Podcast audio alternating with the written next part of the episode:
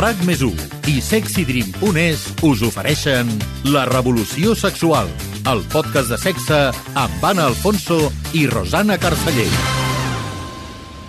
And if somebody hurts you, I wanna fight, but my hand's been broken one too many times. So I use my voice, I'll be so fucking rude, but they always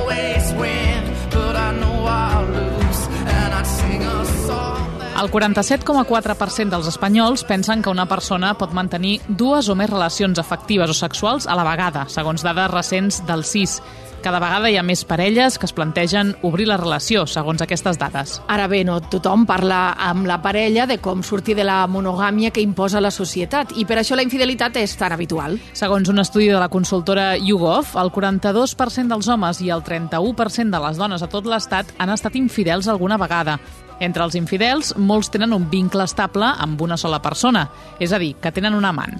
Què és i què implica tenir un amant? Què cal tenir en compte abans de decidir tirar endavant? Com podem enfocar-ho, per exemple, si no tenim parella però el nostre amant sí que en té? Avui parlem de tenir un amant amb Sílvia Catalán, psicòloga, sexòloga i terapeuta de parella.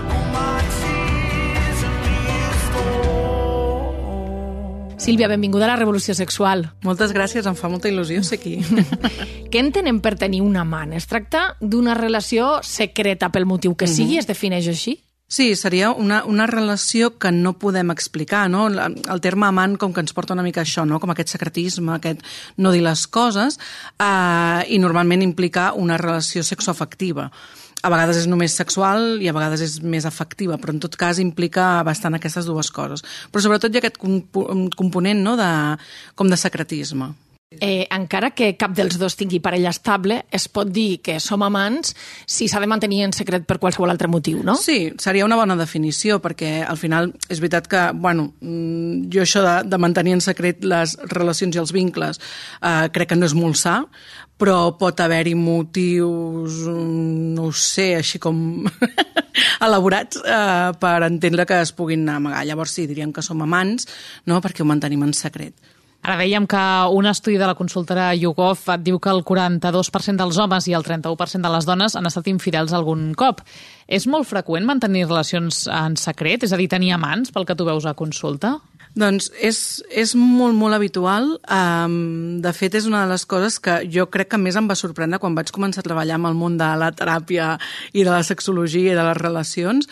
Uh, de sobte, no? per mi era com una cosa molt de pel·lícula, no? o que pensaves que, bueno, que potser algú podia tenir. Però de sobte, no, la realitat em va fotre una bufetada ostres, això és real, existeix. I sí, hi ha molta gent que, que té...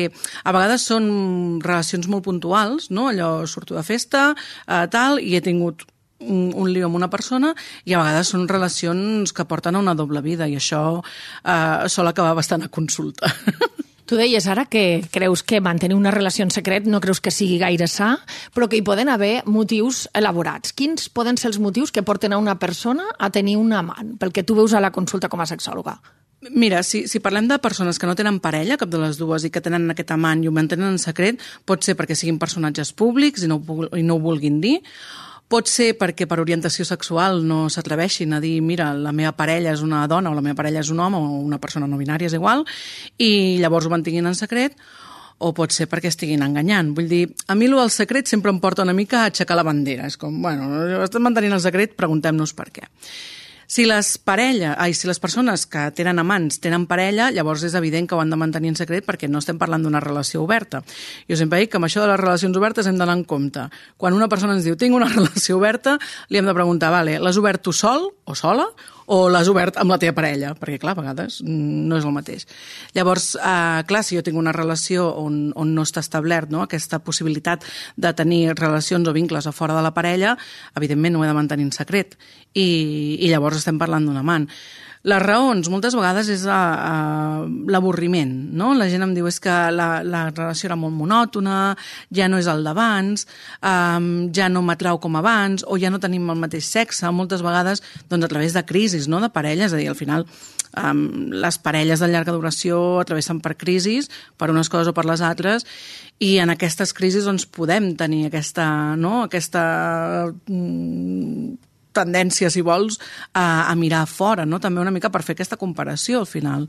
No? Quan una cosa no funciona, a moltes vegades mirem a fora i diem, vale, aviam la comparativa on està. Però no és millor intentar-la arreglar una cosa que no funciona, com per exemple parlar, dir que vols una relació oberta, dir que t'agradaria mm. estar amb altres persones? Clar, aquest és el punt. O sigui, jo sempre dic que la base del de, de, problema de les relacions, de gairebé totes les relacions, és que hi ha molt mala comunicació.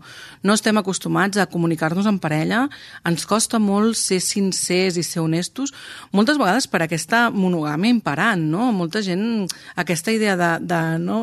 deies al principi, uh, hi ha gent que opina que pots tenir dues relacions alhora. Hi ha molta gent que se sent molt incòmoda amb això, no? I és com, no, no, no, no ens podem sortir de la monogàmia, hem d'estar tots aquí posats, no? I com molt... Clar, mm, hi ha molta gent que li és incòmoda la monogàmia. Si jo no tinc l'oportunitat de parlar-ho o tinc una parella amb la que crec que això no es pot parlar perquè quan he intentat treure el tema doncs ja ens hem posat de punta o perquè no sortim perdó, perquè no ha sortit mai el tema i no ens ho hem plantejat, doncs, clar, no comuniquem i llavors jo no puc saber si l'altre vol o no vol, o si jo vull o no vull.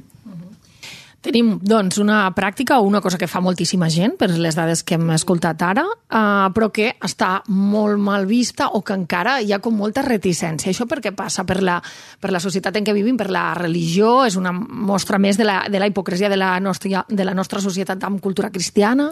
Té, té molt a veure amb això, amb la monogàmia imperant. Uh, al final, el que, el que ens limita és això, aquesta idea de que les relacions han de ser úniques no? i monògames, hi ha molta gent, torno, que li funcionen hi ha molta gent que no. Per què es critiquen tant les relacions no? de, de, de bueno, pues això, no? de, tinc una relació al marge de la meva relació principal? Perquè si no estan parlades fan molt de mal al final aquesta infidelitat, o sigui, les infidelitats no és només anar-te'n al llit amb una persona. Les infidelitats és faltar un pacte que tu tens amb aquesta persona. Aquesta és l'altra. Moltes vegades el pacte no és ni explícit.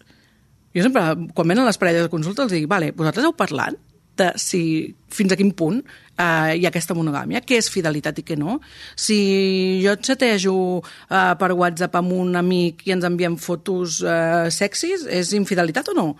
Oh, sí, sí, bueno, igual per tu sí, però per l'altre no. Llavors, aquest pacte de fidelitat no el fem de forma explícita i llavors de forma implícita, bueno, cadascú se l'interpreta una mica a la seva manera. Clar, això és perillós, perquè al final eh, hi ha coses que són molt evidents que podem catalogar com a infidelitat, no? És a dir, vale, però si te'n vas al llit amb una altra persona o si tens una doble vida amb una altra persona, evidentment, no? la majoria de nosaltres entendríem que és infidelitat, però hi ha coses que són molt subtils. I al final el que fa mal de la infidelitat és això, és la falta de respecte no? i la falta del pacte d'això. Molt millor, evidentment, si tinc la necessitat o crec que he de ser infidel a la parella, doncs plantejar-ho i dir, mira, m'està passant això, però per això cal molta feina pròpia. Hi ha algunes aplicacions per lligar que són específicament per amants, com una mena de Tinder de la infidelitat, i Gliden és una aplicació pensada per i per a dones. La responsable de comunicació de Gliden a Espanya i Llatinoamèrica, Sílvia Rubies, explica qui forma part d'aquesta aplicació per amants i per què la van crear. Gliden va sorgir a França a l'any 2009 i la idea va sorgir del fet de que Efectivament, la infidelitat, ens agradi o no, ha existit, existeix i existirà. Fins al 30% de gent que està apuntada a altres tipus d'aplicacions, de cites, diguem el Tinder, per exemple, doncs fins a un 30% estan dient que estan eh, solters o solteres, quan en realitat no, no és així, sinó que estan o bé casats, casades o en parella. Gliden sorgeix doncs, per cobrir les necessitats d'aquesta gent que, ens agradi o no, busquen amants i aventures, de manera que tota la gent que es troba a Gliden doncs ja saben el que van, ja saben quines són les normes del joc, ja saben que segurament no trobaran l'amor de la seva vida perquè no és el que estan buscant, sinó que el que trobaran són amants i aventures. I Rubies també ens explica el motiu de crear una aplicació destinada a les dones que volen tenir amants tot el que té a veure amb la sexualitat femenina i sobretot quan parlem d'infidelitat, doncs està rodejada de molts tabús, no? I com dèiem, la infidelitat existeix tant per una banda com per l'altra, per, per amb dos sexes, no? Eh, I la dona doncs té el mateix dret a, o no a ser infidel que l'home, és a dir, perquè un home que avui en dia, inclús després de moviments com el Me Too i de tants moviments eh, feministes en ple segle XXI, doncs un home que eh, és infidel i té molts amants eh, és, és considerat un, un campió i fins i tot se, se l'aplaudeix, mentre que una dona no explica a ningú perquè està super castigada i estigmatitzada per la societat, se la tracta de qualsevol. Doncs a Gliden el que volem és que precisament aquestes dones que tenen la mateixa necessitat que un home de tenir una aventura per les raons que siguin, nosaltres no entrem a, a jutjar a ningú, doncs eh, puguin eh, obtenir aquestes eh, aventures, puguin satisfer les seves necessitats d'una manera eh, privada, segura i discreta, en un ambient totalment protegit, donant-los la seguretat de que, de que estaran eh, doncs, respectades i assegurades i que no seran per a res eh, jutjades. Què et sembla, Sílvia, tot això? Aviam, per on començo? Clar, aviam, no, no, o sigui, en, en base, d'acord, és a dir, evidentment, vale? vivim en una societat que tendeix cap al feminisme i hem de tenir els mateixos drets els homes que les dones. Però clar, no ens podem pujar al carro de tenir dret a fer mal a l'altre. És a dir, anem a veure, uh, ser infidel fa mal, Pot ser infidel, jo no estic jutjant i, evidentment, les persones que venen a consulta i que m'expliquen això, jo no les jutjo i les acompanyo en això, però hem de ser conscients que estàs faltant a un, a un pacte no? que tu tens amb una persona que ha, de, que ha dipositat la seva confiança en tu. Per tant, ser infidel fa mal. Ostres, no ens podem pujar al carro tan alegrament de dir vale, com els homes fan mal, nosaltres també. Bueno, no sé, com els homes maten, nosaltres també. No, no crec que vingui a ser això. Però, bueno, en essència, crec que, bueno, pot ser una bona idea tenir un, un espai segur si el que necessites en el teu cap és això. Però jo convidaria a les usuàries i els usuaris d'aquest tipus d'aplicació relacions a que facin un pensament no? i es plantegin realment uh, les seves relacions de parella, en quin punt estan i com les volen gestionar, si és això el que volen. Mm -hmm. Tu has posat una cara rara, Sílvia, quan escoltaves que deia que aquestes aplicacions no són per trobar l'amor de la teva vida. També. I has posat una cara com dient, bueno, o potser sí, el, després, i no se sap mai, passa el que passa en els embolics que hi ha, no? Clar, és que és molt agosarat dir això, perquè, aviam, tu no saps on trobaràs l'amor de la teva vida, posem en totes les cometes del món mundial, perquè amb això de l'amor de la teva sí. vida també, sí. a los cuentos de Disney. Però, bueno, uh, tu no saps on trobaràs l'enamorament és a dir, potser tu tens la idea de jo em vincularé amb aquesta persona perquè m'atrau físicament i ens entenem sexualment i fotem tres o quatre polvos i ens ho passem superbé, però qui et diu que, ostres, de sobte no t'entens amb aquesta persona i tens un merder? O sigui, iniciar una relació amb una persona que ja té una relació i que està sent infidel, jo és una cosa que recomano molt poquet. és a dir, crec que és, és ficar-te en un merder gairebé assegurat. Llavors, bueno, que existeixen aquest tipus de, de llocs, mm, d'acord, que ens plantegem també per què són necessaris i que potser hem d'anar una miqueta més enllà i trencar un tema social, doncs, doncs crec que seria de, de rigor fer-ho. I estàs d'acord amb això de que està més ben vist eh, tenir un amant en el cas dels homes que en el cas de les dones? Home, no sé si més ben vist, però és veritat que està més normalitzat. És a dir, quan descobrim que una dona és infidel, és com que, que fort, no? Eh, se'ns activen les alarmes, en plan, aquesta dona s'ha tornat boja. I això, jo tingut moltes dones a consulta que han sigut infidels i, i venen amb una càrrega brutal, en plan, soc molt dolenta. O sigui, la seva, la seva frase quan venen a la consulta és soc dolenta, estic fent una cosa molt mal feta, a mi no m'han educat per fer això. No, contínuament aquesta educació bonista i de bones nenes i que hem de ser sempre adequades i concretes, ens pesa molt. I a les dones que tenen relacions fora de la, de la parella, evidentment, se senten fatalíssim. Quan és un home, assumim més que és una cosa com més d'impuls, no? Tenim aquesta idea de que el sexe pels homes és una cosa més impulsiva i de més. Clar, la gràcia de la història és que no tots els homes que són infidels són només per un polvo o per dos polvos. Moltes vegades fan grans relacions al marge de la parella. Llavors, uh, hi torno, és que en realitat mal vist està tot arreu, perquè mm, estàs fent mal. I ells se senten menys culpables? Aquest discurs que fan a consultar les dones, ells no, no el fan? Hi ha de tot, hi ha de tot. He tingut... Normalment, quan venen a consulta, perdó, quan venen a consulta ja, ja venen uh, un segment de la població. És a dir, els que no se senten culpables segurament no vindran a consulta. Llavors venen a consultes que se senten culpables i els que realment no és com, ostres, no sé què fer, o venen al punt de, vale, eh, tinc aquesta relació mm, paral·lela no? a la meva relació principal, i no sé què fer amb la relació principal, no? I necessito que m'ajudis. I a vegades doncs, parlem de poliamor o parlem de relacions no monògames, però moltes vegades aquesta relació principal no està preparada, perquè l'altra part, clar, l'altra part no en sap res, en el millor dels casos. Vale? Però, clar, no, no hi ha aquesta preparació. A Gliden, per cert que, tot i els esforços per fer una aplicació atractiva per les dones, la majoria d'usuaris eh, continuen sent homes. Ho explica ah. Rubies, que també revela quantes persones tenen descarregada aquesta aplicació. Actualment a Gliden contem amb gairebé 11 milions d'inscrits a tot el món, tenim, crec que són uns 10, 10 milions 800 mil, dels quals doncs, la majoria estan a, a Europa.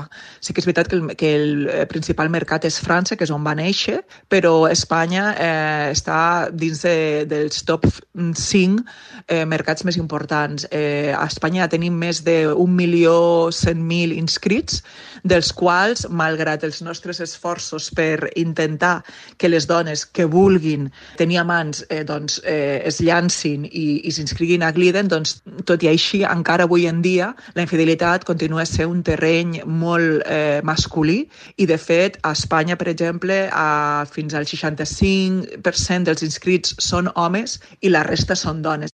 Què et semblen aquestes xifres, Sílvia? Vale. Uh, no em sorprèn que la majoria siguin homes, uh, ho dic ja, perquè primer que els homes tenen més tendència a utilitzar aquest tipus d'aplicacions no només per infidelitat, sinó per lligar i de més. Segur que no tinc les dades de Tinder, però segurament la majoria som, hi ha més homes que dones. D'això no en tinc cap, cap, cap dubte. Clar, Uh, estem donant per fet que totes aquestes persones que estan aquí dins d'aquesta aplicació són persones en parella. Jo sospito que hi deu haver d'aquests 11 milions, d'aquests tant per cent que són homes, que en deu ser moltíssims, en deu haver més de la meitat, me arriesgo a, a, a lo loco amb, la, amb el percentatge, més de la meitat que segur, segur, segur que no tenen parella. Però van a buscar una, una relació sexual sense implicació emocional, sense responsabilitat afectiva. Que bé, no? Es les vaig a buscar una dona que ja sé que no està disponible perquè té la seva parella i, per tant, jo faig aquí un polvo, ben pam, i no m'he de preocupar de res més. Això només fa que afavorir aquesta idea no, de que quan estem tenint una relació sexual, quan estem follant amb algú, no cal que tinguem responsabilitat afectiva. Que això eh, és un error mm, magnànim i brutalíssim. Uh, tret, tret d'això, o sigui, a, banda que tinguin parella o no, jo crec que té molt a veure amb això, el que diem, no? I si jo busco una persona que ja no està disponible a nivell emocional, perquè ja està ocupada no? amb una parella estable, doncs m'asseguro que aquella persona no m'exigirà tant, segurament. No? Per això deia abans que, bueno, i si de sobte aquesta persona comença a exigir-te? I si de sobte tu comences a voler-li exigir a aquesta persona? Ostres, anem-nos en un cap de setmana junts. Ostres, anem-nos-en de vacances. Ostres, eh, passem el Nadal a casa dels meus pares. Vull dir, jo què sé, és que et pot venir de gust que aquella persona formi part de la teva vida. És un risc. Què passa quan aquest risc és desigual? És a dir, un dels dos membres, o sigui, un té parella i l'altre no, i són amants. Hi ha una relació desigual més perillosa que no pas si els dos tenen parella estable? Hi ha un que passa pitjor que l'altre? Evidentment està en desavantatge, clara desavantatge, la persona que no té parella en aquí, perquè la persona que no té parella està disponible. Llavors vol dir que, per exemple, doncs això, si jo no tinc parella i el meu amant sí, o la meva amant sí, igual jo vull passar tots els caps de setmana amb ell o amb ella, però ella no pot. Clar, llavors jo sempre estic en desavantatge, jo sempre estaré pendent del que pot fer o no pot fer l'altre. Per tant, es crearà un, un desequilibri dintre de la relació les relacions perquè funcionin, siguin relacions de parella, mm, laborals o de follamics, o com li vulguis dir, han de ser relacions d'igual a igual. Si ja partim d'aquest desequilibri, d'aquesta desigualtat, pff, evidentment és que això no pot funcionar, perquè sempre hi haurà una persona que deixarà de fer coses. Clar, si jo eh, vull quedar amb tu tots els caps de setmana i tu no pots mai, al cap de setmana que tu puguis jo deixaré de fer qualsevol cosa. I llavors estaré només pendent del dia que tu em diguis que sí. Bé, això és garantia gairebé segura de patiment. Per això deia abans que iniciar una relació amb una persona en parella tu has de treballar molt bé. Tu preparant aquesta entrevista ens deies que hi ha persones que estan en una relació estable i tenen un amant, que és el mateix amant o la mateixa amant, durant molt de temps, i que en molts casos així la persona que té parella en realitat no vol deixar la parella, vol continuar eternament amb aquesta situació. Llavors, com és que algú que busca la novetat en un amant, que té aquesta necessitat de novetat, acaba tenint el mateix amant durant mig segle? Clar, perquè hi ha un, hi ha un component de, de, de lo prohibit. És a dir, encara que amb l'amant porti molt de temps, cada cop que ens trobem estic transgredint una norma i, per tant, lo prohibit ens posa catxondos, absolutament. O sigui, eh, puja molt la libido, lo prohibit. Llavors, clar, què passa moltes vegades? Això és una història que es repeteix al llarg dels segles i dels mil·lennis. Aquesta persona està casada, amb una relació estable. De sobte troba un amant amb qui comença una relació paral·lela. I de sobte un dia se li va i diu, vale, ok, doncs jo vull una relació estable amb la meva amant perquè tot és, buah, màgic, meravellós, portem quatre anys follant cada tres setmanes i és meravellós, fantàstic. Llavors deixa la parella estable, se'n va amb l'amant i al cap de tres mesos, oh, resulta que estem en la mateixa situació que estàvem amb la parella. Clar, perquè li hem tret el component de perillositat, de lo prohibit... Llavors, clar, hem de tenir, per això deia que hem de tenir molt en compte des de quin punt estem tenint aquest tipus de relacions. Això pot passar, pot passar també que aquesta persona que està enganyant, no? aquesta persona que està sent infidel, sigui un, una persona que enganya molt, molt, molt, molt bé i no el pillin mai. Però normalment, quan es tenen a mans de llarg recorregut, és molt difícil que no t'acabin enxampant. I el que deies tu també preparant l'entrevista és que quan la parella se n'assabenta, si t'ho pregunta, la, no, és millor no negar-ho, perquè això sí que és la gran... La infidelitat es pot perdonar, però la mentida de uh -huh. negar que estàs amb una altra persona a la vegada és pitjor. No? Totalment. O sigui, jo el que veig moltíssima consulta és això, que eh, les infidelitats, quan fan realment molt de mal i és un mal irreversible, és quan jo tinc la sospita de que tu m'estàs sent infidel, t'ho he preguntat 250 vegades i tu 250 vegades m'has dit que no. I jo t'he dit, mira, és que he vist aquest missatge... No, no, no, són coses teves. Això se'n diu llum de gas, és mm, fatalíssim, és una estratègia de manipulació i al final la persona eh, enganyada s'acaba sentint que està com una cabra i m'ho diuen, eh? en plan, és que m'he sentit com si estigués boja, com si estigués veient fantasmes. I això, evidentment, quan arribem a aquest punt, jo diria que la relació és pràcticament irrecuperable. Si és una cosa que tu has tingut un amant perquè sigui, perquè has sortit de festa, tal, no sé què, o perquè t'has enamorat de no sé qui, en el moment que t'ho demanin has de ser honest i poder dir, o honesta, i poder dir, mira, sí, i això no sabia com dir-t'ho, parlem-ne ara. Evidentment, t'arrisques a que l'altre posi les maletes a la porta i et digui no, no hi ha res a parlar. Mala sort. Vull dir, també hem de ser conscients que si tenim un amant hem de saber quin joc estem jugant. No podem jugar eh, de forma gratuïta. I la persona que no té parella, en aquest cas de dos amants en què un té parella i l'altre no, la que no té parella, a quines preguntes s'hauria de fer per saber si aquesta relació li compensa? Perquè entenc que deu tenir beneficis, però també molts contres estem veient. Clar, si, si a aquesta persona ja li està bé tenir una, una relació que no li suposi un... Pues això, no? Com, com una cosa molt concreta a nivell emocional, que no vol eh, tenir una família, per exemple, o de més, doncs potser li compensa. Però és difícil que de llarga compensi perquè estem parlant del secret, no? Llavors és com, clar, tu d'aquesta persona només podràs conèixer-la mentre estàs follant, no? Perquè, o un dia que us podeu escapar al poble del costat o, o a quatre pobles enllà per fer un sopar, però tu mai podràs conèixer ni la seva família, ni els seus amics, ni el seu entorn, ni podràs anar-lo a veure a la feina, ni et podrà venir a buscar la feina, perquè, perquè no és una cosa... Llavors, t'has de plantejar molt, molt si tu realment pots separar aquella persona del seu entorn.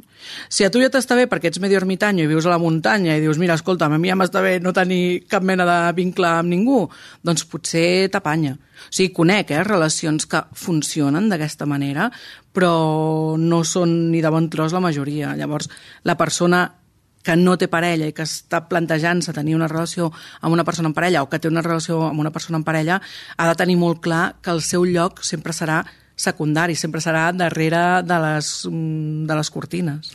Uh, ja veus dins del feminisme, ho comentàvem també fora de, de micro, que demanen a les dones que no tinguin relacions amb homes casats perquè es contribueix al fet que una dona sigui enganyada. Però clar, en realitat això de posar la culpa a la dona amant quan qui té parella estable és l'home, si és aquest el cas, uh -huh. està, és l'home qui està posant les banyes, és absurd. No? Sí, sí, sí, hi ha un gran debat eh, en els moviments feministes i quan fas reunions i de més i es parla de temes de sexualitat, no? Um, clar, es diu que és, que és de poca sororitat, no? El, el embolicar-te amb una persona que té, que té una parella, perquè al final estàs contribuint a això, no? A, a que a aquesta parella doncs, eh, li facin mal i de més Però sí, és que és això. O sigui, perquè sempre hem de posar la responsabilitat a sobre de la dona. Vull dir, en aquest cas, si estem parlant de, de rotllos heterosexuals, eh? vull dir, si estem parlant de uh, rotllos lèsbics i de més, aquí entraríem una mica amb el tema de la moralitat. Però, en tot cas, um, jo crec que uh, això, no? O sigui, sí, hem de tenir en compte que estem contribuint no? a, a fer mal a algú, però no ens podem posar nosaltres la responsabilitat. La responsabilitat ha de ser també de l'altre. Llavors, bueno, aquí també és una mica la, la moralitat que tingui cadascú, no? i que cadascú pugui sobreposar-se això també i viure-ho bé. Què passa si els amants s'enamoren o si hi ha un d'ells que ho fa? Que tenen un merder bastant important. bueno, no, és que això és, això és molt més habitual del que ens pensem. Per això deia abans, és que quan tu t'involucres amb una persona a nivell sexual, és molt difícil desvincular-la d'allò mm, que no és sexual. A no ser que quedem en plan, vale, ens veiem, mm, ni parlem i fotem el clau i marxem. Bueno, clar, si tenim una relació així, doncs igual no m'implica més. Però si anem parlant pel xat, no sé què, o quedem per dinar o quedem per sopar, és que és molt fàcil que amb una persona amb qui t'entens follant t'hi acabis penjant, perquè, vull dir, una cosa porta bastant a l'altre, l'oxitocina que et produeix, no? el subidon aquest de, del postorgàsmic, ostres, et vincula molt amb aquella persona. Llavors, és molt habitual i tenim un problema, perquè llavors hem de lluitar no? contra, aquests, contra aquestes emocions i llavors és, vale, si no vull fer mal a la meva parella perquè vull seguir amb la meva parella i ella o ell no acceptarà que jo tingui un amant, he de deixar una parella o he de deixar un amant. Vale. Si ho deixo amb l'amant, ho passaré malament. Hòstia, és que desvincular-te d'una persona de qui t'has enamorat és superdur. Per això deia, vull dir, com a cosa així preventiva, doncs intentar no vincular-se amb persones amb, amb parella perquè et salva de, de molt mal rotllos i molts En merders. definitiva, tenir relacions d'igual a igual, no? Que estigueu els dos en la mateixa Exacte, situació. exacte. En tots els casos. Això et salva de bastantes coses, la veritat. Doncs hem parlat de tenir un amant amb Sílvia Catalán, psicòloga, sexòloga i terapeuta de parella. Moltes gràcies, Sílvia, per aquesta estona amb nosaltres. Vosaltres, ha sigut un plaer. La revolució sexual, amb el suport de sexydream.es. Amb Sexy Dream Punes, el sexe no té tabús. Descobreix joguines eròtiques per a tothom, kits eròtics per compartir, llançaria i una pila d'idees sexis i atrevides per innovar i gaudir del sexe com mai. Compra a Sexy Dream Punes i rebràs la teva comanda en 48 hores. No esperis més i obre la porta al plaer amb Sexy Dream Punes. till it happens to you. You don't know how I feel. How I feel. How I feel. I avui acabem aquest capítol proposant-vos un llibre infantil, El teu cos és teu, escrit i il·lustrat per Lucía Serrano i traduït al català per Marta Morro Serret. El teu cos és teu és un conte que busca prevenir els abusos sexuals a la canalla. Amb un llenguatge senzill i directe i il·lustracions molt clares, Serrano ensenya als més petits que el seu cos és seu i de ningú més. El llibre els explica, per exemple, que no han de fer petons o abraçades als adults si no els ve de gust, que si un adult els toca els genitals han de demanar ajuda i que la paraula no és molt important. Ho explica l'autora Lucía Serrano. El cuerpo de las niñas y los niños ha de ser respetado, igual que el de los adultos. Si dicen que no quieren que se les toque o que se les coja, ese no es igual de válido que el de una adulta o un adulto. Y las niñas y niños también tienen que saber que pueden decir ese no y que, y que su cuerpo es suyo, básicamente como dice el título, y que son ellas y ellos quienes deciden. Además también, eh, ya metiéndonos más en el tema de prevención de abusos, se deja muy claro que las partes privadas, que son aquellas que se tapan cuando vamos a, a la playa, a la piscina, normalmente en nuestra cultura, no deben ser tocadas por una adulta o adulto, ni por una niña o niño mayor que ellos. Eh, y que en el caso de experimentar con iguales, en el momento en el que no se está cómoda o cómodo, se tiene derecho a decir que no y que se pare. Un conte fet amb l'assessorament d'especialistes destinat a la canalla, però també a famílies i educadors. I amb aquesta proposta, com sempre, us desitgem salut I bon sexe.